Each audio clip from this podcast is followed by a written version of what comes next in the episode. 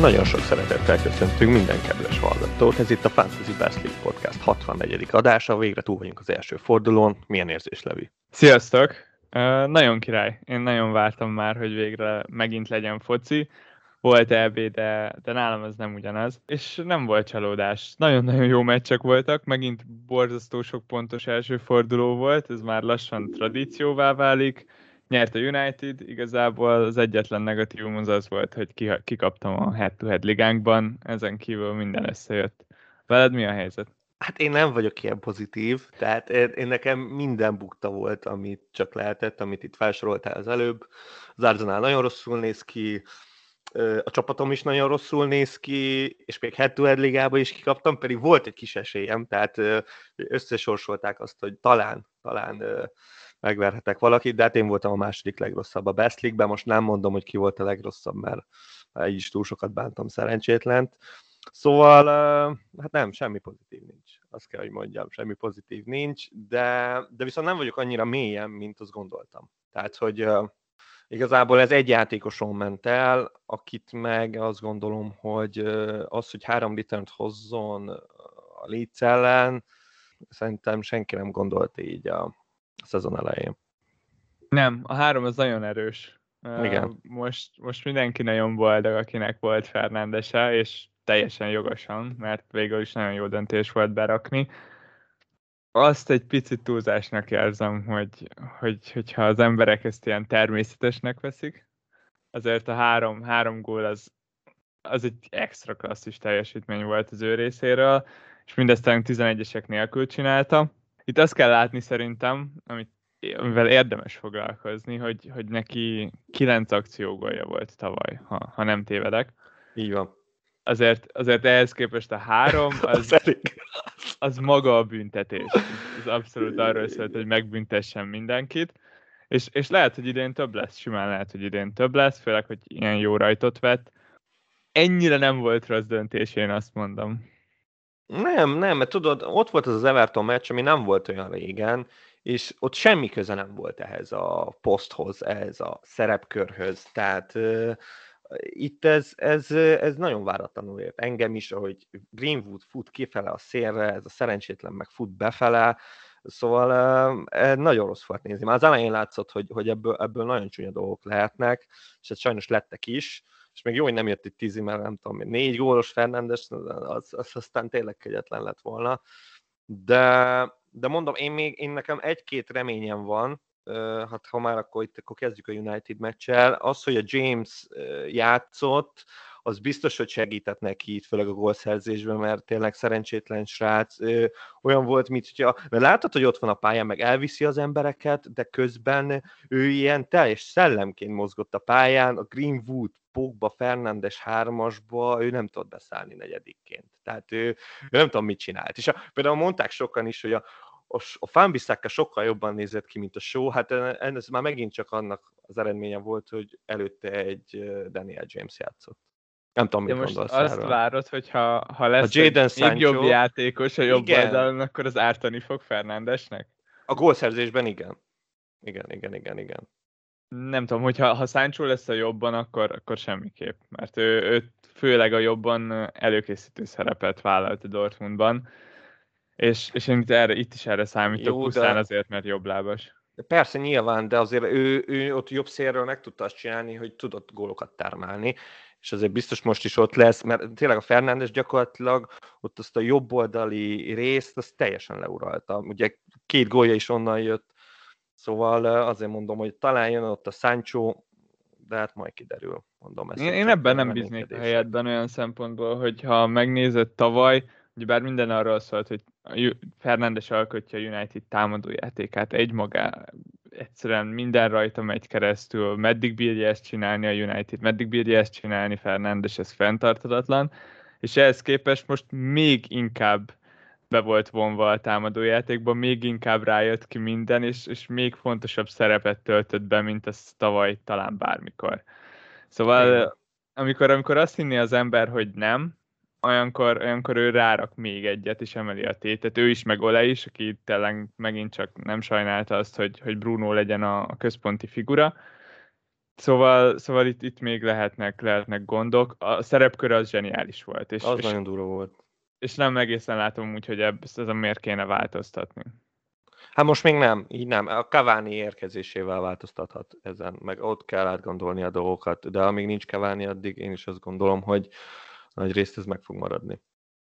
Meglepő volt egyébként számomra az eredmény, én sokkal szorosabb meccset vártam. Hát a Leeds-et benéztük. Tehát ezt benéztük, ezt igen, és, és be, főleg hogy ez... arra gondolok, hogy, hogy ez a csapat Jorente és Philips nélkül sokkal-sokkal gyengébb, mint, mint velük. Egyszerűen nem is nagyon lehet összehasonlítani a Leeds-et a két játékossal versus a nélkül.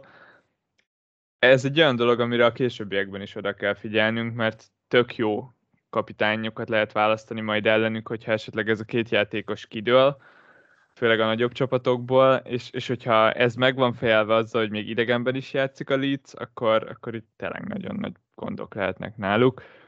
Hogyha visszatérnek, én azért azt várom, hogy nem ezt az öt gólos Leedset fogjuk látni, erre szerintem még mindenképpen érdemes odafigyelni az elkövetkezendőkben. Igen, igen, de mondjuk a szezon rajtot így, így azért nem, nem vagyok semmiképpen sem pozitív a Leedsel. Mondjuk ez még nem azt jelenti, hogy Rafinha rossz lesz, mert, mert nyilván azért az a támadó játékot azért még mindig nem nézett ki annyira rosszul, de, de ott is azért, hát sok, sok baj volt. Sok baj volt ezzel a Licel, nagyon rosszul néztek ki, talán az egyik legrosszabbul kinéző csapat volt így az első fordulóban, nyilván most kaptak ötöt ez, de hogy itt, itt tényleg, tehát itt nem sok közük volt ez a meccshez. Hát én azzal a kérdéssel akartam indítani a podcastet, hogy a Manchesterről vagy az Arzenálról akarsz előbb hát ez, ez eldőlt, igen. beszélni, de ez nagyon már eldőlt. Arzenál, ég a ház, világvége. Nincs világvége, azért nincs itt világvége. Hát ugye ez kiderült rögtön péntek dél körül, hogy, hogy se Lacazette, se Obameyang nem lesz, valami betegség. Igen, az Arsenalnál azért tudjuk, hogy, hogy itt történhetnek olyanok is, hogy, hogy így játékosoknak nincsen kedve játszani, vagy, vagy éppen összevesztek ártétával, vagy valaki mással, és, és akkor ez, a, ez az indok nem tudom, hogy mi van az Arsenalnál, már megint kicsit így kezd káosz kialakulni, meg ugye volt arról is szó, hogy most ez a két játékos így kompakt átmegy a Barcelonába, az mondjuk nagyon vad hír volt, nem is értettem, hogy ez honnan jön. Tehát, uh, miről beszélgettünk, tehát uh, főleg Obama esetében. Ártétát nem viszik? Ez az, tehát akkor már Ártétát is vértik, a középpályára berakhatják. Szóval nem tudom, fogalmam sincs, hogy, hogy mi a helyzet ott, de, de hát az biztos, hogy most így ez a szezon rajtat ezt annyira nem élem. Most ugye még lesz ez a két nagyon durva meccs, amikor ott védekezni kell, az lehet, hogy jobban fog állni ennek a csapatnak, de, de hát nem néztünk ki jól a Brentford ellen. Attól függetlenül, hogy egy X-es meccs simán lehetett volna még az IFI kerettel is. Igen, igen, abszolút. Simán. És, Tehát, és itt szerintem az fontos nagyon látni, hogy hogyha egy Arsenal legjobb kezdőjéből hiányzik 5, majdnem 6 játékos, akkor, akkor ugyanúgy, ahogy a Leedsnél is említettük, egyszerűen a csapat nem, nem tud úgy játszani. Egyszerűen, hogyha egy, egy teljes ifi csatársorral állsz ki, ahol Pepe jelenti a, a rutin, az nagyon nagy baj. És ő kellene legyen a vezér, akkor, akkor ott gondok vannak. És pont ezért nem érzem ekkora a bajnak ezt a vereséget, mint ahogy, ahogy ezt a kommentátorok beharangozták, meg ahogy a médiában megint csattant a pofon az arzenálon. Persze, de ez jó, mert szeretik. Tehát az ilyen, amikor nagy csapatok így mélyen vannak és még mélyebbre kerülnek, tehát az, az ugye a legjobb újságírói narratíva. Igen, igen, de pont ezért nem, nem is látnék bele annyira sokat. Most a két meccsen amúgy se kell nekünk arzenálos, és utána én meg mindig abban gondolkodok, hogy, hogy vissza tudják ja, ezt fordítani, szóval alapvetően az első pár meccs az ez mindig nagyon necces szokott lenni, itt a csapatok még nem működnek annyira. Messze olyan következtetéseket még nem vonnék le. Van egy ide kapcsolódó kérdésünk. Anti kérdezte, hogy az Arsenal játékosokról érdemes-e lemondani, és ő például Szakát meg Ben White-ot említette. Ezzel mindenképpen azt mondanám, hogy semmiképpen sem. Főleg Ben White esetében 100% hogy ezt mondom, mert így négy és feles védőről beszélünk most az, hogy kaptak két gólt a Brentford ellen, meg Ben White, hogy kifejezetten rosszul nézett ki, az túl sokat nem jelent, mert a négyes feles védők nem minden meccsen hoznak nekünk return és azért is érdekes ez a kérdés szerintem, mert, mert most az el, a szezon elején elképesztően fontos lesz, hogy hogyan cserélünk, és merre mozgatjuk a csapatunkat. És én szeretek úgy gondolni a játékosokra, mint mondjuk befektetésekre. És hogyha csak belegondoltak, egy picit vizuálisan elképzeljétek, hogy van két befektetésetek. Az egyik az egy nagyon kicsi összeggel szól, és nagyon kevés a várható hozam, haszon a másik az pedig egy nagyon nagy összegre szól, és nagy a várható hozam, de hetente csak az egyikhez nyúlhattok hozzá, és változtathattok rajta. Igen. Akkor nem akartok a kicsihez nyúlni, mert ez jelentéktelen, és pont ilyen egy négy és feles védő, ahol még csak azt se tudod csinálni, hogy pénzt veszel ki onnan, mint esetleg egy olcsóbb középpályásnál vagy csatárnál, hanem teljesen jelentéktelen. Ezt a döntést meghoztuk az első fordulóban, és hogyha nem is kell wildcardig kitartani mellette, de mondjuk egy sérülésig, vagy egy esetleges sokkal jobb előbukkanó játékosig mindenképpen tartanám ezeket a játékosokat. Szívás, nekem is ott van Byte, nem is akartam játszatni a második és harmadik fordulóba, utána meg meglátjuk, hogy mi lesz. Lehet, hogy a nyolcadik fordulóba úgy hagyja el a csapatomat, hogy egy clean se hozott, de ettől függetlenül nem erre, ezekre a játékosokra kell koncentrálni, hanem azokra, akik hozhatnak 10-15 pontot egy meccsen. Ez teljesen, ezzel nem is tudok vitatkozni. A szakával meg hát nyilván valamiért berakta őt is, tehát nyilván ott is számba vette az, hogy most azért egy, ez a kezdőmeccs, nem tudom itt mit gondoltak az emberek, de, de azért az első meccs, meg főleg egy újonc ellen azért azért ott sose lehet tutira menni, a másik két meccs baromi nehéz, és akkor utána jöhet a Szaká is. De azt gondolom, hogy ő se annyira drága, hogy, hogy simán le lehet padoztatni. Főleg, ha jól balanszolt a csapat, nálam is végülre egy, egy padra befért egy Rafinha, hogy utána elővegyem, amikor kell. Szóval azt gondolom, a Szaká is körülbelül úgy lehet abban a csapatban. Igen, itt, itt egy forduló után még azért ne kérdőjelezzetek meg minden döntést, amit hoztatok. Ja, nem szabad. Konkrétan pár nappal ezelőtt. Összeomlasz, és jön a wildcard. Így van, így van. Bele kell állni egy picit a csapatunkba, mert most már ez a csapatunk. Többet beszéltünk az Arsenalról, mint kellene. Én azt gondolom, hogy inkább itt a Brentfordról érdemesebb beszélni, és azon belül is Iván Tóniról, akit ugye úgy gondoltunk, mint egy ilyen Diffo 2.0, vagy egy, nem is tudom még milyen példát tudnék mondani ezzel kapcsolatban, de hogy igen, hogy minden második gólban benne lesz itt a Brentfordban. És lehet, hogy azért, mert nagy csapat ellen játszottak, már mondjuk azért most itt az Arsenal nem feltétlenül úgy viselkedett, mint egy nagy csapat sokszor, de hogy nem, nem feltétlenül úgy jött ki, nem ő nézett ki a legjobban ebbe a Brentfordba. Abszolút nem.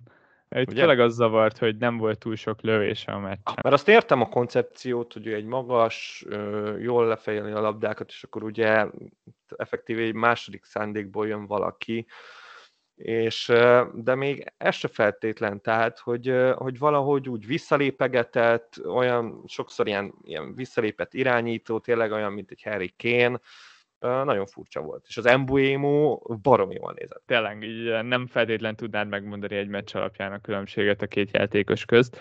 Nem is biztos, hogy lesz ebben a két csatáros rendszerben. Hmm. Tonyról azt tudni kell, hogy ő egy egy igazi Inzaghi típusú játékos, még hogyha nem is úgy néz Igen. ki, azért ő, ő az az ötösön belül befejező, nagyon ügyes, nagyon jól helyezkedő csatár. Szerintem a tavalyi Championship góljai közül egy sem volt a 16-oson kívülről. Szóval, szóval itt a stílus az, az stílusát ezt fogja jellemezni. Ami aggasztnál az az, hogy ott nagyon-nagyon ketyeg az idő. Én simán türelmes lennék egy hat és feles csatárral, mert, mert millió egy bajom van, és uh, Tony az nem tartozik közéjük. De, de tekintve, hogy rengeteg játékosnál bent van, itt azért még egy blank, vagy egy kettő, és, és már és ott leszünk, igen. hogy csökkenni fog az ára. Szóval emiatt nagyon érdemes rá odafigyelni, meg nagyon megnézni a következő meccsét, ami már sokkal kellemesebbnek ígérkezik. A sorsolás az viszont jó. Most a Brentfordnak van egy 4-5 meccse, ami, ami teljesen jó. Pont ezért a, a türelem az, az sokszor rózsát terem, ilyen esetekben. Valahol azért igen, mégis aggaszt ez, hogy blankelt az Arzenál ellen, noha nem számítottam másra.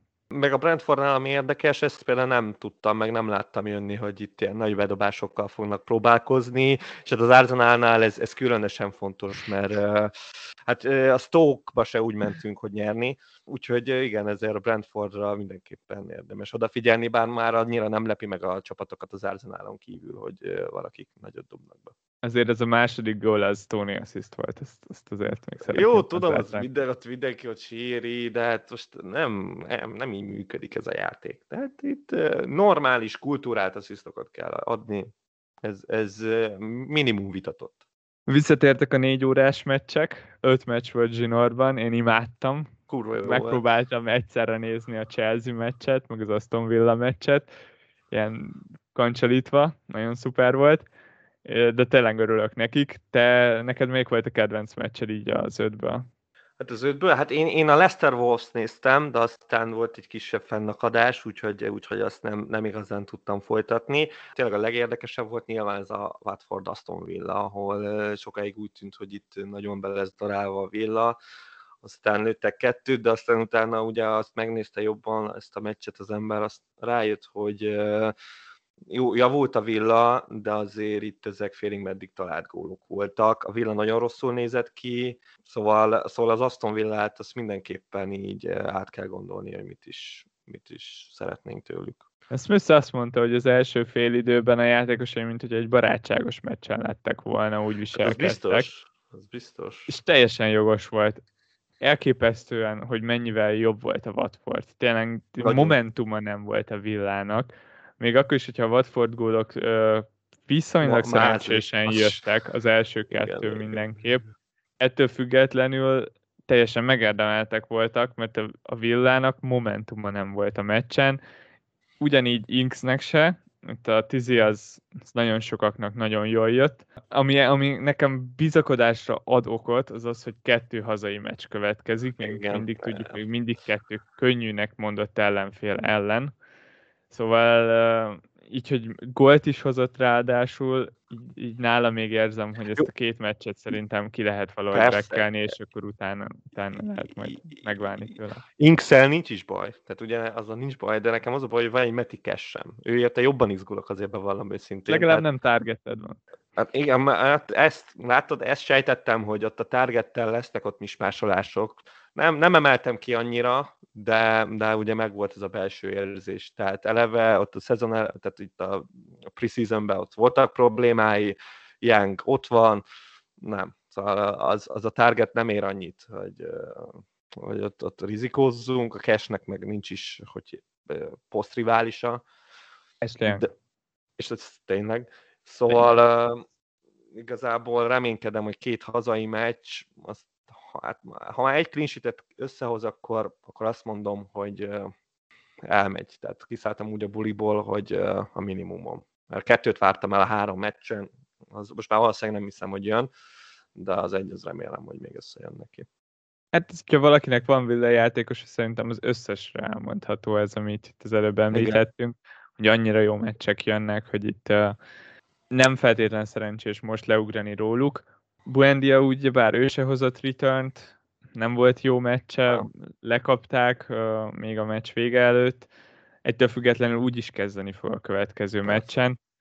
Ami érdekes volt, hogy ő most tízest játszott, és neki a jobb szél a kedvence, szóval azért ezt várom, hogy, hogy majd ott is megmutathassa, hogy mit tud esetleg. Igen, de itt én még akkor a Watfordról beszélünk, már három gólt lőttek, és itt elkezdtek nagyon menni ezek a pikkek, Dennis-től Szárig minden. Ugye nekem a draftjaimban ők, ők benne-benne voltak, és hozták is volna pontokat, mint kiderül, de de én egyikkel se próbálkoznék annyira azért. Tehát itt mindegyiknek megvan a maga problémája. A dennis az a baj, hogy ugye most itt eleve nem tudjuk, hogy most hogy sérült, mint sérült, de nem is az a lényeg, hanem azért itt már az elején lehetett, azt, vagy nem lehetett tutira tudni, hogy most a Dennis kezd, vagy a Kucsó, és, és azért itt a Dennis rögtön lekapta, bejött a Kucsó, egy perc múlva lőtt egy akkora gólt, hogy hihetetlen. Szóval ott a csatár poszt az mindenképpen egy olyan lesz, ami, amit offolni kell vagy tényleg, hogyha a négy sérült van, akkor tudjuk, hogy az ötödik az tudja, hogy játszik. De körülbelül ennyi.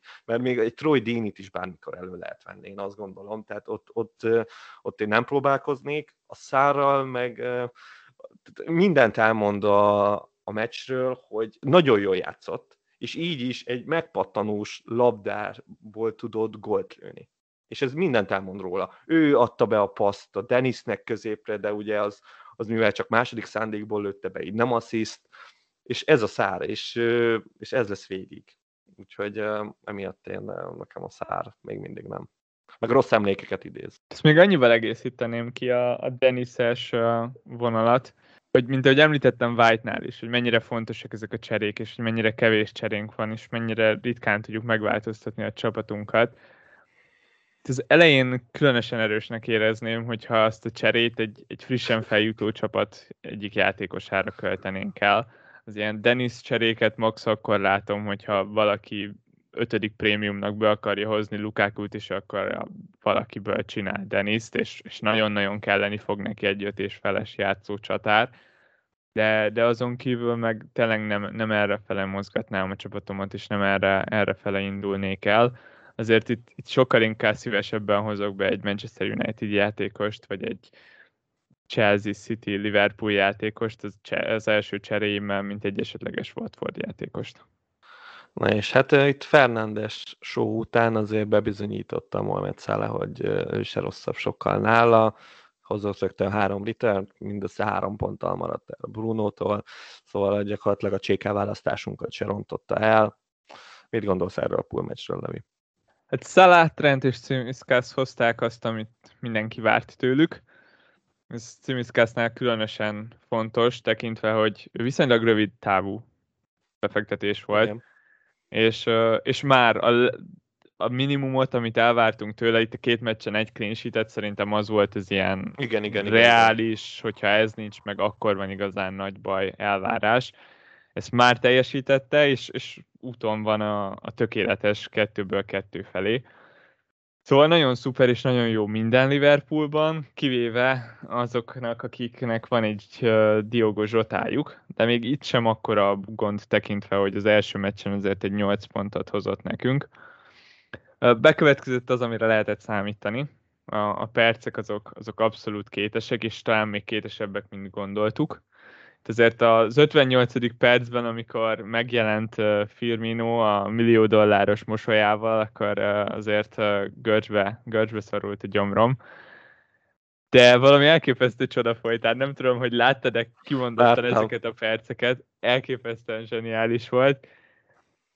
Effektív az 58. percben már megjelent a két csere. Utána meglepően hamar kiment a játékból a labda, és Zsota tiszteletköröket rót. Konkrétan megérintette az összes szögletzászlót, meghajolt a vendégszurkolók előtt, és, és valahogyan úgy hagyta el a pályát, hogy 60 perc és 5 másodpercet mutatott az óra. De igen, itt tartunk. 30 percet kapott Firmino, aki majdnem rögtön utána be is talált. És nem egészen lehet szerintem ezt most kisakkozni, hogy hogyan tovább Liverpoolban. Ami biztos, hogy semmi sem biztos. És, és akkor itt, itt most megint válaszút elé érkeztek a zsotások, abban most már kevésbé bízhatunk, hogy, hogy valahogy Zsota lesz a biztos kezdő, akit ritkábban vált Firmino. Szerintem azért egy páran úgy indultunk neki, hogy, hogy hát ha ez lesz, hát hogyha itt a Norwich ellen gól, esetleg két gól, és akkor utána, utána egy biztosabb helyből várhatjuk a Burnley-t itt, itt már bármi megtörténhet. Alapvetően a legtöbben azt várják, hogy a Chelsea ellen a klasszikus első hármas lesz a Liverpoolnál, ami szerintem teljesen logikus. Na, így van. És hogyha a Firmino-t akarod kezdetni a Chelsea ellen, akkor miért ne kezdetnéd az azt megelőző Burnley meccsen? Szóval adja magát, hogy itt Zsotával kell csinálni valamit. Hát de én... legalább hozott valamit. Tehát, ö... És ezzel nincs is baj, igen. Én, én abszolút, szóval pont ezért én úgy is gondolkozok, hogy nem volt ez annyira rossz ötlet. Így, így főleg így, hogy megvolt a gólja, pont így szerintem még egész könnyű bepróbálni a Burnley-re is, mert legrosszabb esetben is egy egész jó átlagot kapunk a két meccsre. És, és nem látok annyira sok opciót. Én Grélisen gondolkoztam rengeteget, most így az elmúlt napokban, de, de nem egészen látom azt, hogy hogyan jönne vissza az, hogy most Grélisben bizakodok, ahelyett, hogy Zsotában bizakodnék a Burnley meccsen. Ezért mind a kettő elég kérdőjeles pick, még akkor is, hogy Grélisnek valószínűleg hát, több perce lesz. Igen, Grélis nem rossz egyébként. Ugye a Norwich ellen jó, hát be lehet fürödni, nem azt mondom, meg igen, utána gondolni kell, hogy mi van, ha blankel a, a Norwich ellen, és hogy mit várunk ettől a City-től itt az év elején. Szerintem sem annyira vészes, főleg azért, mert a perceket még mindig nagyon érzem nála. Igen. Ami viszont nem tetszik benne, az az, hogy, hogy megint csak bizonytalan maradna ez a poszt a csapatunkban. Jaha. A csapataiban. Én azért azt érzem, hogy ha, ha teszünk oda egy cserét, és kirakjuk Zsotát, és behozunk valakit, akkor jó lenne ahhoz a poszthoz nem nyúlni egy 5 hétig mondjuk, és csak úgy hagyni, csapatunknak más részeit mozgatni. Szóval ez, ez annyira nem tetszik, hogy egyik ilyen játékosból a másikba átmenni. Aztán, hogyha valakinek pedig más játékosok tetszenek, akkor, akkor ott megérheti azt, hogy akár már most kiugrani Sotából, esetleg egy Greenwoodra, mert ezt tudjuk, hogy a Burnley után jön egy Chelsea, és utána még egy Leeds meccs. A Leeds az már kérdéses, hogy mennyire rossz sorsolás, de, de az a lényeg, hogy Zsotából elmozdulni szerintem nem egy nagy dolog. Jó, de Greenwood hogy... azért az necces, tehát hogy én a Greenwooddal az a bajom, hogy, hogy a válogatott szünetig egész stabil a Greenwood, az biztos, de az magyarul már csak két meccs. És két, utána jön már a negyedik forduló, ott már én azt gondolom, hogy a Cavani bevethető lesz, Sancho is, Fernandes, Pogba, szóval a Greenwood-dal ez a bajom, hogy, hogy most én már nem hoznám be a Greenwoodot. Már Nagyon nehéz, annyira nehéz, mert ezzel a meccsen is az a gól, amit Greenwood lőtt, ez konkrétan klasszis volt. Tény. És egyszerűen egy ilyen játékosnak egész sokat kell kezdenie, még ebben a Unitedben is. Az lesz a nagyon nagy kérdés szerintem, hogy hogyan képzeli el Ole, hogy vajon a balon lesz Sancho és a jobban Greenwood, vagy Pogba lesz a balon. Itt ez azon is múlik, hogy mennyire akarja játszatni uh, Susher Pogbát a Fred és McTominay kettős valamelyike helyett. Mert hogyha azt egy járható útnak gondolja, akkor, akkor simán előfordulhat, hogy Sancho lesz a balon és Greenwood a jobban. Ja, Lényegében igen. szerintem ezen az egy döntésen fog az múlni, hogy mennyi percet fog kapni. Nekem sem feltétlen a, a kedvenc kihagyhatatlan pikkem, de, de látjuk, hogy, hogy ezen a meccsen a Leeds ellen csatárban kezdett, és a Szoton ellen is én arra számítok, hogy megint csak csatárban fog kezdeni, szóval még nem tartunk ott, hogy azon gondolkozzunk, hogy, hogy játszik-e a szélen. De mi van Manéval? Tehát Mané ott volt velem, 12 misi, és ő ilyen Dan James módjára követte a dolgokat. Egy nagy zicsere volt, de hát ez, ez nagyon kevés most így egyelőre. De persze láttunk már olyat, hogy nagyon rosszul kezdett az első fordulóban, és Szalá darált, aztán ő jött a másodikban, megtörténhet, reménykedni lehet benne, de nem tudom, nem tudom, mit csináljak Manéval. Nekem a legnagyobb problémám az még mindig az vele, hogy, hogy Szalá a fő ember a Liverpoolnak. Az Egyszerűen, hát igen, de ez, ez egy nagyon nagy probléma szerintem, mert mert ő veszi fel azokat a pozíciókat, amiket abszolút Manénak kéne, hogyha ha a csapatodban van. Mert, mert egyszerűen, hogyha ha, ha meglátod, sokkal többször látod azt, hogy Mané van a vonal mellett, ő is nyilván nem egy vonal szélső, de hogy ő van kiszorulva, és Szala ott van a 16-oson belül, ez sokkal többször van, mint fordítva, elég egyértelműen meg van döntve a csapat, és, és ez Mané abban az lesz a nagyon nehéz neked, és az lesz a nagyon nehéz abban, hogy kirakt, hogy egy klasszis játékos, szóval bármelyik meccsen lőhet Mester 3 és mindig ott van a remény, hogy most nem rakom ki, és a következőben majd visszahozza, és kijövök nullára. Az ilyen játékosok mindig nagyon veszélyesek, és sokkal veszélyesebbek, mint az adott esetben borzasztó, borzasztó Felipe Andersonok mondjuk, aki nekem mindig eszembe jut, akit akinél rájössz, hogy ez egy rossz játékos. És igen, igen, igen, igen, igen. Hát figyelj, nyilván a Burnley ellen én még semmiképpen nem rakom ki. Nagyon gondolkoztam már, már hogy így miket lehetne csinálni. Nyilván itt a Bruno-ról már lemaradtam vasárnap este, de, de azért még nagyon sok lehetőség van, meg lehetne. De azt gondolom, hogy, hogy így egy meccsre még, még a Manét nagyon jónak érzem a Burnley ellen otthon, az Enfielden, teltházzal, teltházzal, szóval én ott látok, látok rá esélyt, tekintve, hogy nem, az össz, másik hármas mind gólt lőtt a, az első fordulóban, Manéban, meg biztos, hogy lesz a bizonyítási vágy, én azért legalább egy return várok azon a meccsen tőle, de nagyon jó lenne a kettőt összehozna. Hát igen, az egy az még elég kevésnek érződik, hogyha azt nézzük, hogy Fernandes például a Southampton ellen fog játszani. Azért igen, az, igen. az egyre ott is lehet számítani. Nehéz, borzasztóan nehéz a helyzet, főleg így, hogy, hogy ennyire katasztrofálisan alakult az első forduló, azért, azért itt még talán nem kéne tartania itt a money, money gondolkodásodnak és a money döntésednek. Így, hogy Fernandest kizártad, van olyan, akin, akin esetleg még gondolkodsz? A De Bruyne, De Bruyne abszolút, tehát ott, ott, ott csak hallgatnom kell magamra, hogy ne csináljam, tehát nem szabad ilyeneket csinálni, de, de, de nagyon szeretném. Tehát abban, abban nagyon sok mindent látok, de közben látom, hogy ez a City ez, ez nagyon gyenge, tehát ez, ez gyengus, úgyhogy nem szabad ilyen dolgokba beleugrani itt az elején, szóval, szóval ezért nem. De, de nyilván a Norwich az, az nagyon hívogat.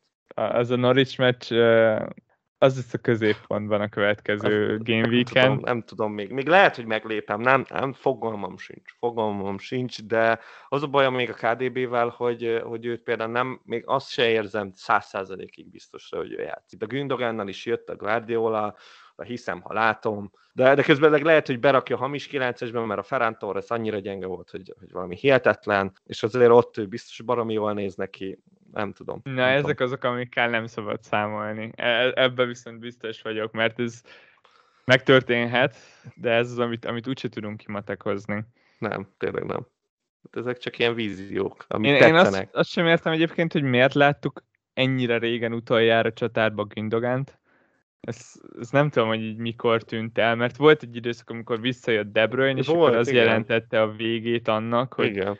hogy Güntogán csatárt játszik megint ezt se feltétlen értem, hogy miért, de, de az, hogy, hogy azóta se lett kipróbálva, és, és Torres viszonylag sokszor kapott szerepet a csatárban, viszonylag kevés sikerrel, nekem, nekem nem De most Gündogán már jobban nézett ki, tehát most már legalább jobban jött előre, szóval nekem, nekem abszolút föl, fölíródott a watchlistre, mint hogy nézzük meg, hogy most, most mi is van itt a City-vel, mert most ha az, az volt a baj, hogy nagyon gyenge volt a City. Ha ez egy jó City lett volna, akkor, akkor a Gündogánnak is jobb pozíciói lettek volna, de szerintem nem mert annyira előre menni. Csak ilyen félig meddig. Úgyhogy... Jobban úgy, tetszett, mint Grél is?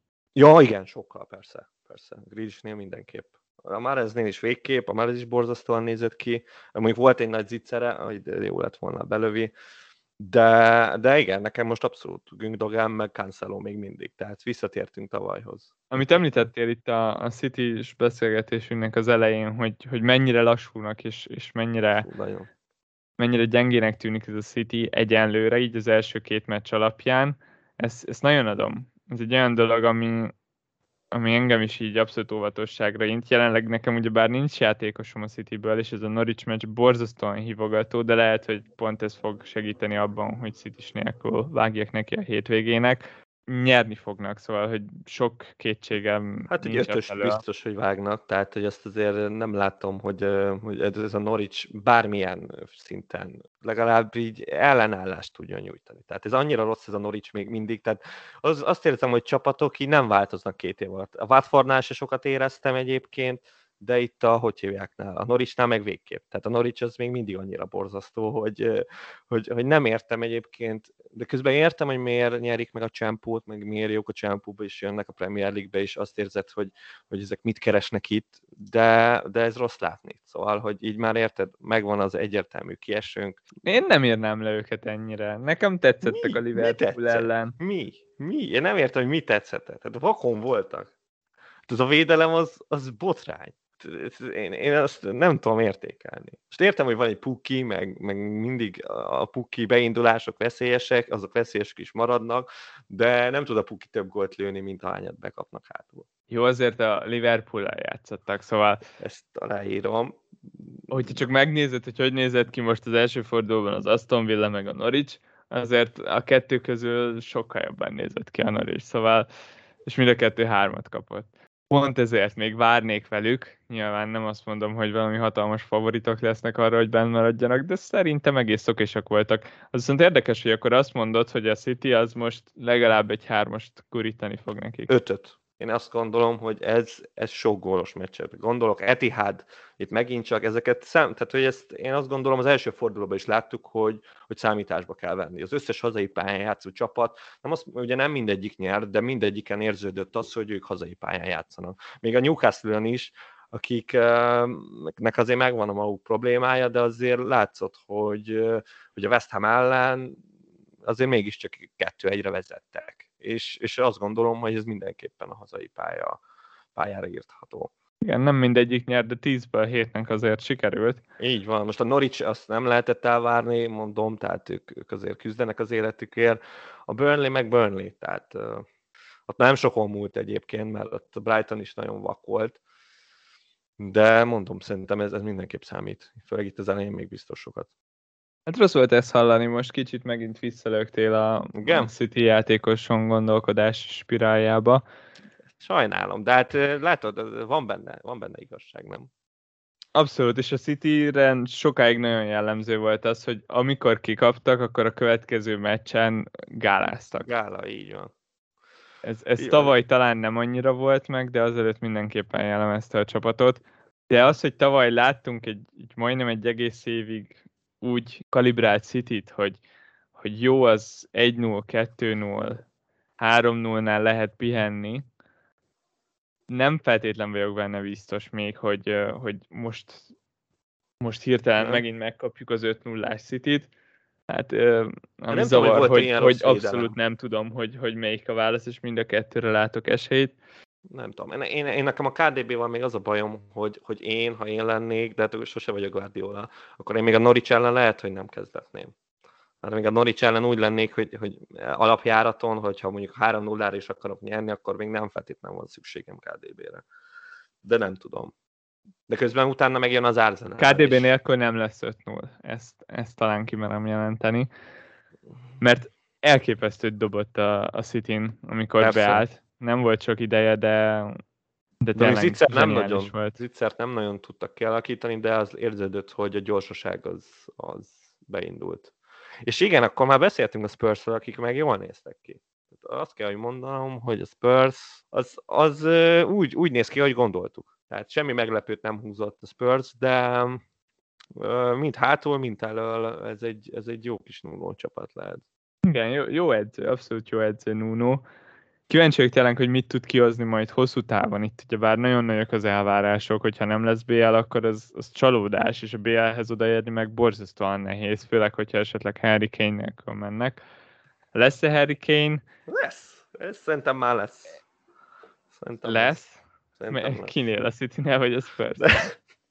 nem tudom, hát most sok mindenem múlik. Tehát ez a két meccs, ez, ez mindkét oldalon szerintem uh, eldönti ezt a, ezt a dolgot. Tehát, hogyha a Spurs 9 ponttal jön ki belőle, én nem lepődnék meg, hogy maradna. Elhinné, hogy, hogy itt valami épül, marad, a Citynek meg, meg az Arsenal ellen kikap, három pont, sőt, még hát ugye a Norwich is, Norwich tavaly nyert, tehát nulla pont, ez kész. De még akkor meg, akkor meg a Citynek biztos, hogy kellene, és akkor 150-et meg elverne rá. Igen, nem tudom nem tudom, mi lesz ebből még, de, de most ilyen inkább a spurs mondanám a befutónak. Amit tudok viszont az az, hogy, hogy tényleg jól nézett ki ez a Spurs, és az, hogy Son egyszerűen jól néz ki, de valószínűleg nem annyira, hogy felforgassuk a csapatunkat. Szóval Igen. Szóval szerintem akik vele kezdtek, azok tök jól jártak.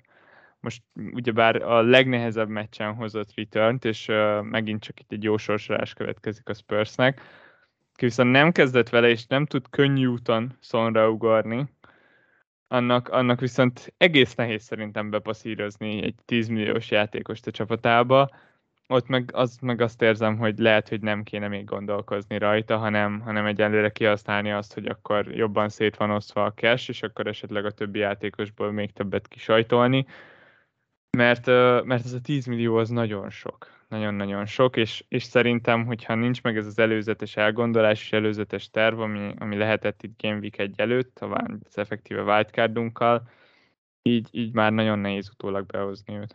De itt, ha már, ha már Kane, mindenképpen akarok egy pár szót beszélni Lukakuról, mert szerintem mi absz- abszolút hajlamosak vagyunk arra, hogy ignoráljuk őt, és, és még heteken át meg sem említsük. De, de megérkezett, Igen. mindenki azt várja, hogy, hogy gólt fog lőni az Arsenal ellen, és, és majd osztja a barackokat fájtnak. Sokan már tervezik, hogy hogyan hozzák be.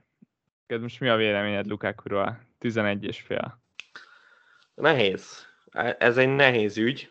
Figyelj, én, én sok mindent látok a Lukakuba. Tehát az biztos, hogy Rossz pick nem lesz, tehát rossz picknek nem gondolnám, de hogy megéri ezt a 11 és felet, abban viszont nem vagyok biztos. Tehát uh, magyarul azt mondom, hogy, hogy lehetnek nála jó prémium játékosok, és uh, emiatt nem, nem rakjuk be a csapatunkba. A Rukakut én sosem gondoltam egy, egy gólgépnek. Oké, okay, hogy az Interben nevezhettük annak, de az az Inter, meg az olasz bajnokság.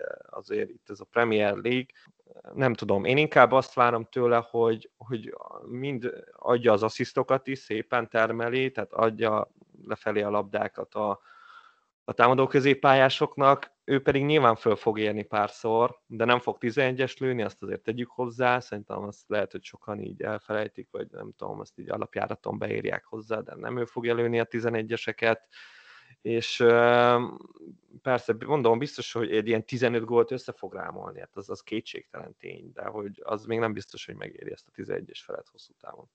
Főleg nem, ha rossz a sorsolás, nem? Így van, főleg akkor. Főleg akkor, de ez amikor ez a Chelsea, ez, ez kegyetlen. Tehát azért ezt még hozzátenném, hogy, hogy ez a Chelsea, ez azért igen, így, így, hogy azért, jó, a United még itt egy erődemonstrációt tartott, de, de, de a chelsea azt érzem, hogy, hogy ők nem is a legjobb keretükkel álltak ki ezen a Palace ellen, és tudjuk, hogy a Palace az, az is küzd a problémáival, de ez a Chelsea, ez, ez kemény, ez kemény dió. Igen, nagyon jó a Chelsea, nagyon jó is maradt szerintem, és Lukaku meg, ahogy mondtad, itt hozni fogja a pontokat. Én azt várom, hogy ő pik lesz de, de nem a harmadik, negyedik fordulóban, hanem tényleg itt a sokat emlegetett hetedik fordulótól, ahol majd fordulni fog a Chelsea-nek a sorsolása.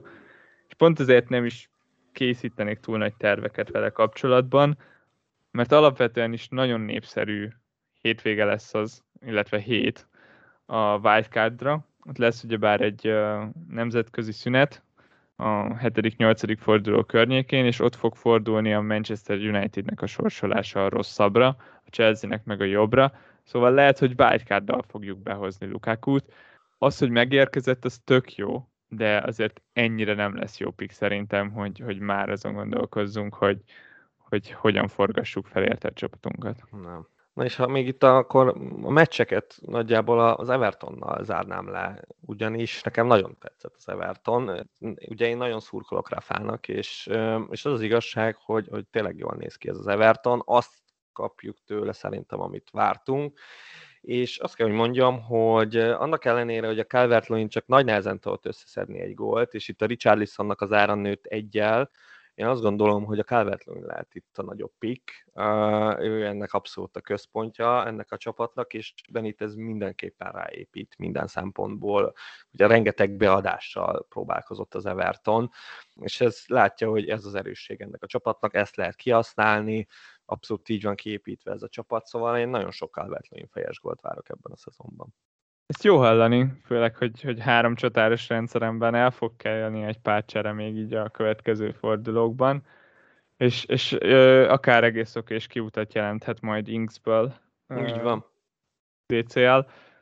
Engem nagyon meglepett az Everton, abból a szempontból, hogy, hogy annyira rossz előjel volt, és, és, és annyira rosszul indult a meccs is számukra, hogy, hogy nem gondoltam, hogy képesek a fordításra, azért nem erről híres az Everton, hogy ők, ők milyen erősek tudnak lenni lelkiekben. Szóval ez egy nagyon pozitív eredmény, arra azért kíváncsi vagyok, hogy, hogy ez vajon az Everton érdeme volt-e, vagy a southampton -é. Jó, a Southampton is igen, tehát ott, ott azért a védelemmel van baj, szóval most itt majd imádkoznom kell nagyon hétvégén. Biztos, hogy nagyon kellemetlen az a, a Southamptonnak, hogy, hogy ennyi beadással próbálkozik ellenük egy csapat. Tehát ezt azért látjuk, meg, meg azért Burnley-vel is mindig megküzdött a Southampton, és ő nem szereti ezeket, ezt a stílust, hogy, hogy jönnek befele a labdák folyamatosan, közép hátvédeik se feltétlen erre vannak fölkészülve, szóval uh, itt, itt a, a főleg a stílussal volt szerintem nekik uh, bajuk.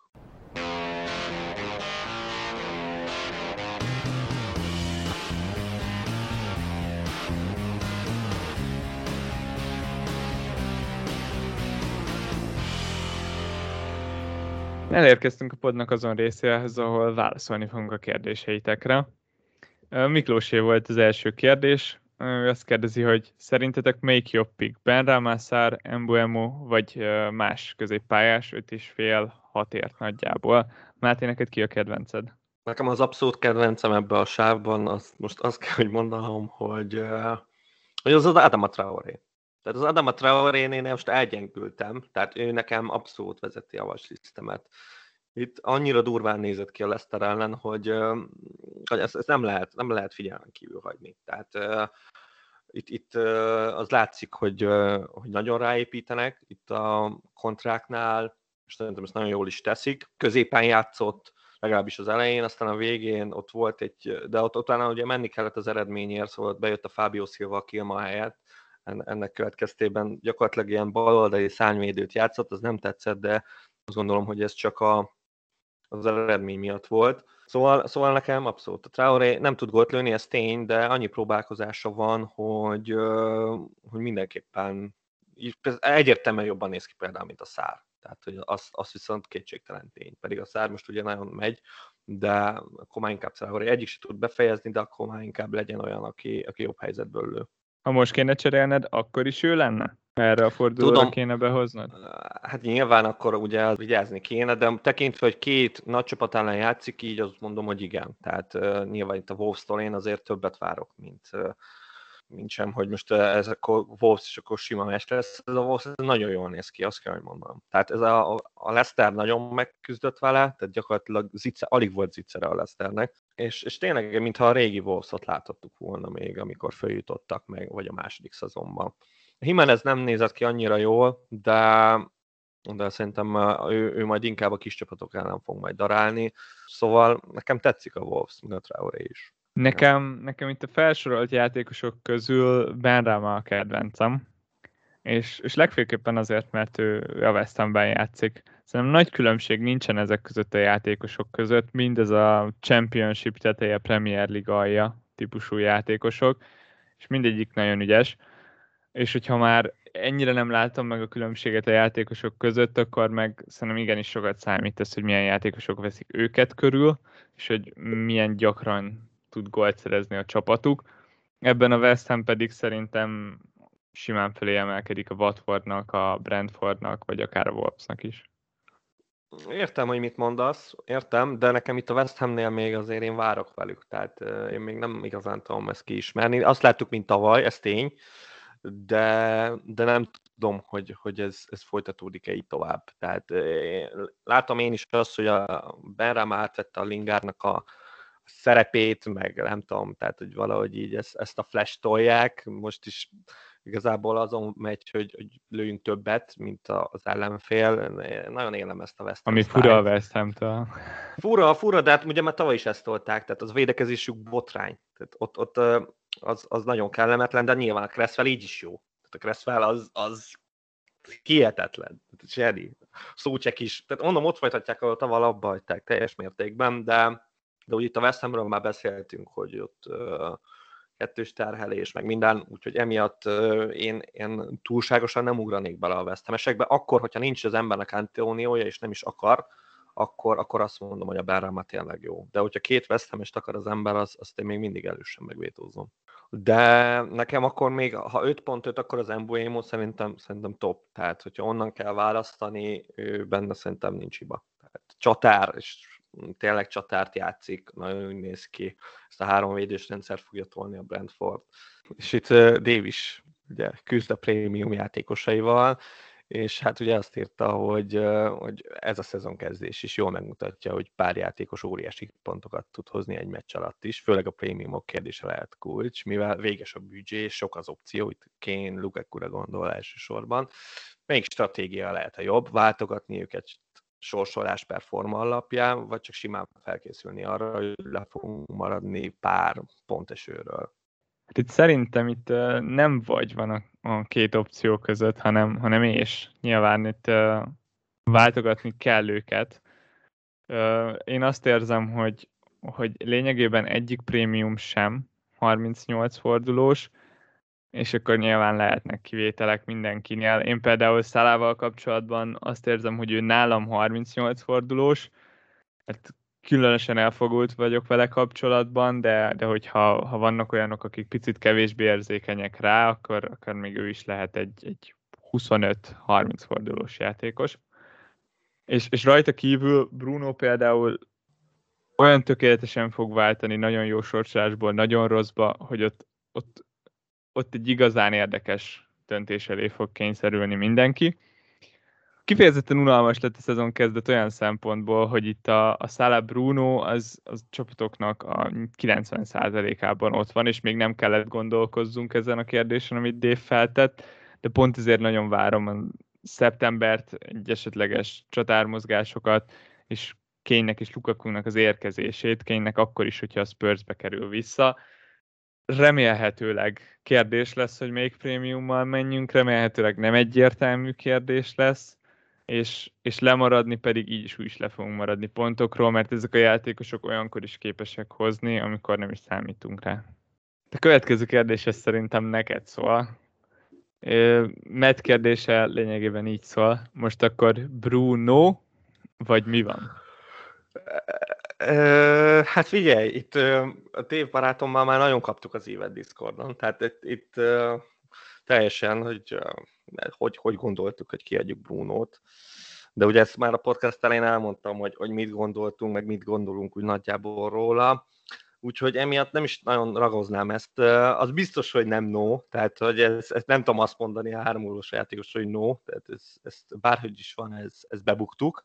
Ő szerencsésebb helyzet van, mert ő már behozta vasárnap, én, én meg nem, szóval én, én, én nekem mínusz négyért kellene behoznom, vagy még az is eszembe jutott, hogy Szalát kiveszem, berakom Brunót, de az a baj, hogy nem biztos, hogy jobban járok ebben a bulival, de figyelj, eszembe jutott, esküszöm eszembe jutott, és még mindig ezek a gondolatok keringenek körülöttem. Itt azt érzem, hogy, hogy itt valami extra kéne csinálni ahhoz, hogy, hogy, hogy visszahozzam, vagy egyáltalán tartsam a Brunót pontjait, nem igen, most jön a Southampton, nem tudom. Nem biztos, hogy rajta kell egyébként visszahozni ezeket a pontokat.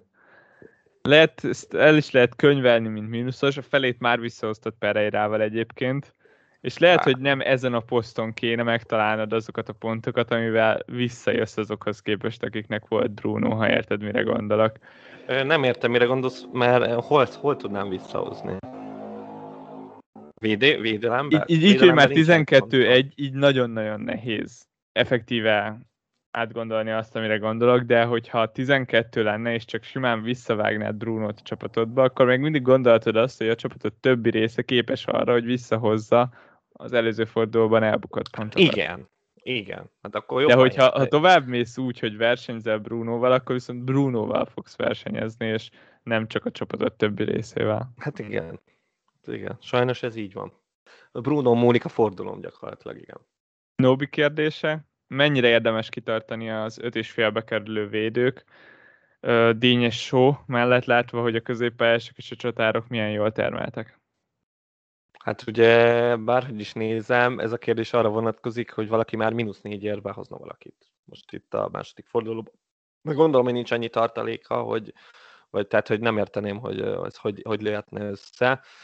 Nyilván ez csak a Game Week 3-ra lehet egyáltalán kérdés, hogy kivesszük az öt és feles védőkből a pénzt, és berakjuk középpályára, de azt gondolom, hogy ez mind, a, mind dínyre, mind sorra igaz az, hogy, hogy lesz ez ennél jobb is. Tehát főleg itt már említettem az Everton játékát, most főleg a Townsend villogott, ott a jobb oldalon, de biztos lesz az, hogy a díny jön majd ott balszélen, és adogatja befelé a labdákat, és jönnek az instant fejes gólok. Szóval én ezzel, ezzel mindenképp várnék.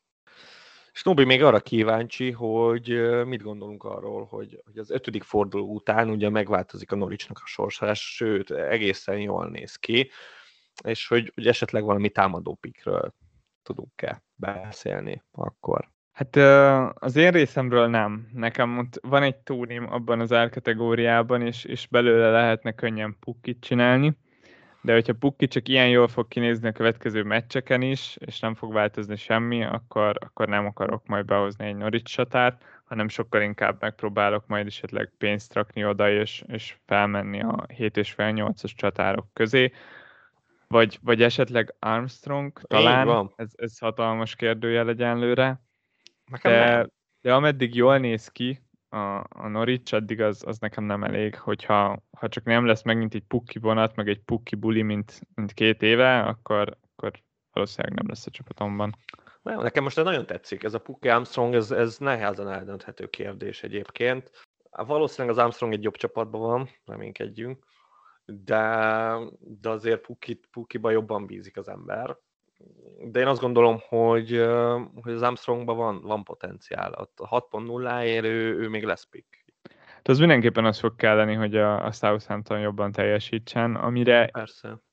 amiben nagyon-nagyon bízok, hogy, hát hogy képesek lesznek, lesz, főleg Hasenhuton miatt. Na és Balla itt írt nekünk egy regény Discordra, de a lényege az, hogy mit kezdjünk Zsotával. Említettem már nagyjából, hogy merre járnak a gondolataim Zsotával, azon gondolkozok, hogy most rakja meg ki, vagy a következő fordulóban. Szerintem Game Week 3 után tartogatni nem érdemes, főleg, hogy ott jön egy Chelsea elleni meccs, legrosszabb esetben visszahozzuk a későbbiekben, mert még lesz jó sorsolása a poolnak. Most viszont azt érzem, hogy, hogy jöhet helyette valaki, a Burnley elleni meccsen tartani szerintem nem akkora őrültség, de fel kell készülni, hogy abban simán benne van egy egy pontos cameo. Terrible Tamás kérdezte, hogy most, hogy teltházas stadionokban tudnak játszani a csapatok, mennyivel fog többet számítani vajon a hazai pálya előnye szerinted? Hát én ugye már ezt említettem, hogy erre mindenképpen oda kell figyelni. Az első forduló, hogy szerintem nagyon jól megmutatta ezt mint ahogy mondtam, másodikra is mindenképpen ez, ez hatni fog. Főleg itt az elején szerintem hatványozottan, később csak úgy, ahogy szokott. És egy másik kérdése is volt Tamásnak, ugyanis uh, ugye Game Week 3 után itt már beszéltünk arról, hogy, hogy selejtezőt fognak játszani, válogatott selejtezőket, és itt ez a dél-amerikaiakra is igaz, és ők pedig ugye haza fognak utazni, és ha visszajönnek, akkor hát itt a karantén gyanús lesz náluk a, a helyzet, és hogy nem árt ennek elébe menni hogyha itt adott esetben sok dél-amerikai játékosunk van, argentin vagy brazil. Szerintem ez egy olyan dolog, amire érdemes odafigyelni, de, de én bizonytalannak tartom a helyzetet. Uh, itt a, változás, a szabályozások azok napról napra változnak, és, és könnyen elképzelhető szerintem, hogy itt kivételt fog tenni majd esetleg Anglia. Nagyon kérdéses, ugyebár most gyakorlatilag no-go zónává lett finősítve Dél-Amerika, és, és karantén vár a játékosokra, amikor visszatérnek. Az is lehet, hogy nem fogják őket elengedni a csapatok, ez mindig benne van a pakliban.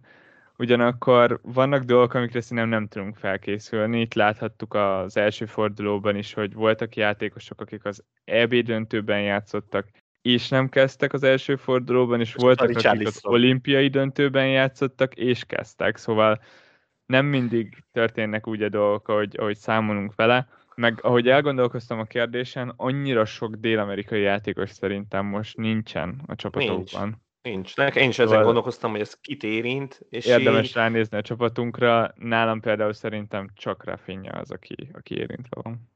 De ő meg nem hiszem, hogy be lenne hívva, vagy nem tudom. De például ott van Richard Lisson, őt én már nagyon meglepődnék, hogyha még, még vissza is hívnák válogatott meccs. Szóval, és nem is azt, hogy visszahívják, hanem itt az Everton lép közbe, hogy azt mondja, hogy a faszt. Ez azért mindennek van határa. Szóval én nem tudom, hogy, hogy ez, ez nagyjából kiket, nincs is argentin játékos. Ugye, nekem abszolút nincs meg. Aztán lehet, hogy valami elképesztő. Emi Martinez. Emi, meg Buendiemi, de... Igen. Igen. Jó, hát... Buendiát addigra már úgyis kirakjuk. Hát addigra, igen. Ami Martinez is, mert pénzt akarunk szerezni belőle. Lukaku-ra.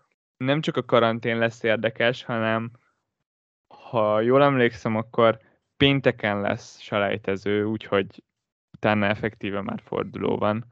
Szóval, hogy az időzítése is nagyon-nagyon furcsán van kialakítva a dél-amerikai selejtezőknek. Uh-huh. Szóval lehet, hogy ha a karantén nem is fog szerepet játszani, akkor lehet, hogy azt fog bekavarni, hogy milyen későre van rakva a meccs. Mindegy, az biztos, hogy akkor erre figyelnünk kell, hogyha tényleg utaznak Premier League játékosok, akkor, akkor rájuk, rájuk mindenképp érdemes odafigyelni. És hát akkor így a podcast végére mi más maradt hátra, mint hogy ki legyen, vagy ki lehet a legjobb kapitány erre a fordulóra. Az elég sok opciónk van, én azt gondolom, de ki a legjobb ezek közül, Levi? Én éppen megint elkövetem azt a hibát, hogy a transferemen gondolkozok egy hétig, a kapitány, a kapitány választásom az pedig az utolsó napra marad. De, de még, még van időm tenni ellene. Egyenlőre az automatikus szállakapitányom van a csapatomon, ami nekem tetszik. Otthon játszik Szala a Burnley ellen. A Burnley ellen nagy returnekre nem számítok, de ettől függetlenül még ez a hazai meccs tetszik. Különösen pikáns lesz tekintve, hogy a Burnley vette el a Liverpoolnak az otthoni veretlenségi szériáját. Igen. Szóval egy kis bosszú is közrejátszhat. Bruno meg, meg alapvetően nem is lett volna a gondolataimban, hogyha nincs ilyen csodás hétvégéje, de így, így most még meg fogom tornáztatni egy kicsit, kicsit az agyamat péntekig, szombatig, szombatig. Egyenlőre száll. Egyelőre Szalá. Én, én most nagyjából úgy álltam ennek a fordulónak neki, hogy Szalát nem akarom megrakni. Hogy, hogy ha, már, ha már ennyire rosszul kezdjünk, akkor, akkor kezdjünk nagyon. Ugye itt van a Mané, aki ha Mané nem biztos, de hogy a Mané, azt nagyon erősnek érezném, tehát az, az, az egy ilyen, csak azért is megpróbáljuk kihozni belőle a maximumot, de, de az nem tetszik annyira a, a Márez, a Márez nagyon, nagyon adja magát, de, de ott is azért akkor a rizikók vannak benne, hogy, hogy nem tudom elmondani. Nem tudom, lehet kénytelen leszek a szalára rakni, de nem akarom. Tényleg nem akarom. Tehát a Citybe érzek, érzem, hogy ott, ott benne lehetnek a, a pontok durván. És a Burnley, ahogy mondtad, lehet nagyon kellemetlen ennek a Liverpoolnak. Mert ez szerintem is necces. De, de így, hogy 5-0 lesz ez a, ez a Manchester City nagy Azt akartam kérdezni. Van egy játékos, akinek már volt három szezonja, ahol 200 pont. De, de, de, de, de, de, de, de, de, de, de, de, de, ne csináld ezt, ne csináld ezt. Ne csináld. És az a baj, hogy néztem. Az a baj, hogy tudom, Szóval van egy játékos, aki visszatért. És már három olyan szezonja volt, ahol 200 pont fölött hozott. Mit gondolsz? Az a baj, annyira beleillik a csapatomban, 11.0-ért, és utána már ebből tudok csinálni szont 10 ér, hogy, hogy elgondolkoztam rajta. és csékáztatni. Ö, ö, nem tudom. Tehát ö, az a baj, hogy beleülteted az agyamba ezeket a fasságokat, és ki, lehet, hogy berakom még a Sterlinget, de... Figyelj, a Guardiola azt nyilatkozta, hogy tavaly csak azért kezdett kevesebbet, mert a Foden meg a már ez jobb volt nála. De hogy, hogy idén Foden ez... Nincs. Foden nincs, nincs Foden, most, nincs Foden, garantáltan kezdő. Igen, igen. Főleg, hogy a Gündogan is sérült, akkor kénytelen lesz Grealish, meg a KDB-t játszatni, és nincs más balszélre, csak, csak a Sterling. Igen. Ez egy, ez egy olyan dolog, amin, amin szerintem érdemes elgondolkozni. oh, ja, igen, biztos. Biztos. És figyelj meg, hogy lő hármat. Ú, csak képzeld el, hogy hogy visszahoztál a Bruno pontokat. Hát a duplá, Ott lenne csapatodban Cséká, Szala Bruno Blank. Fú, az kemény lenne. Ez azért ez világ. Tehát akkor hirtelen előznének, előznék mindenkit. Á, nem, egyébként nem.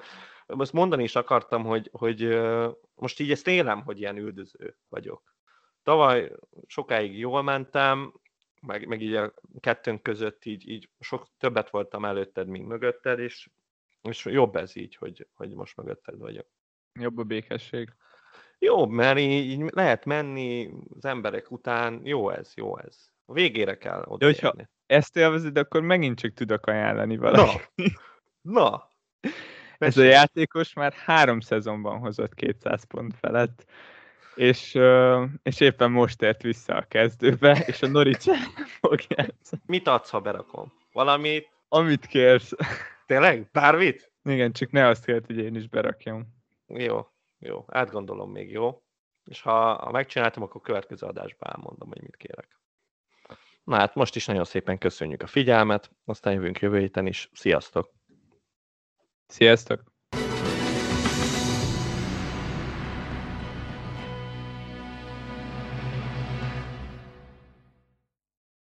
És Levi, mi van Pogbával? Nehéz, nagyon nehéz, mert, mert klasszis meccset hozott le. Négy assziszt, ez pont egyel több, mint, mint amennyi volt neki tavaly összesen. És, és itt én azt érzem, hogy egy nagyon-nagyon korai döntésbe ugranak bele sokan, mert már nőtt az ára Pogbának. Ez a Pogba, ez nem volt jobb, mint a tavalyi Pogba. Szóval itt, itt nem volt semmi változás. Ugyanúgy játszott balszélsőt, ugyanúgy baromi jó volt, alapember volt, annyi, hogy most adott négy hollywoodi paszt, és mindegyik bakol lett. Ami, ami teljesen elképesztő. Szerintem egy tök jó kérdés, ami segíthet itt a Pogba szituációban azokon, akik gondolkoznak rajta, az az, hogy szerintetek assziszt király lesz-e idén Pogba mert ő négy előnyből indul a legtöbb nagy ágyúval szemben.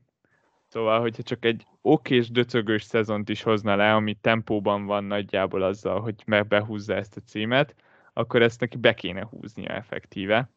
Hogyha ha viszont azt gondoljátok, hogy nem fog adni még vagy 15 asszisztot a szezonban, akkor meg Pogba abszolút nem opció, mert asszisztból lesz neki több, mint gólból. Azt látjuk, hogy nagyon visszafele játszott, nagyon mélyen játszott, inkább úgy fejezném ki magam, és sokkal inkább fogják jellemezni a szezonját az asszisztok, mint a, gólpassz, mint a gólok. Szóval, hogyha azt gondoljátok, hogy nem ő lesz a legjobb asszisztadó idén, akkor, akkor viszont szerintem azt jósoljátok, hogy egy okés szezonja lesz, ahol fontos játékos lesz, de nem fantasy opció.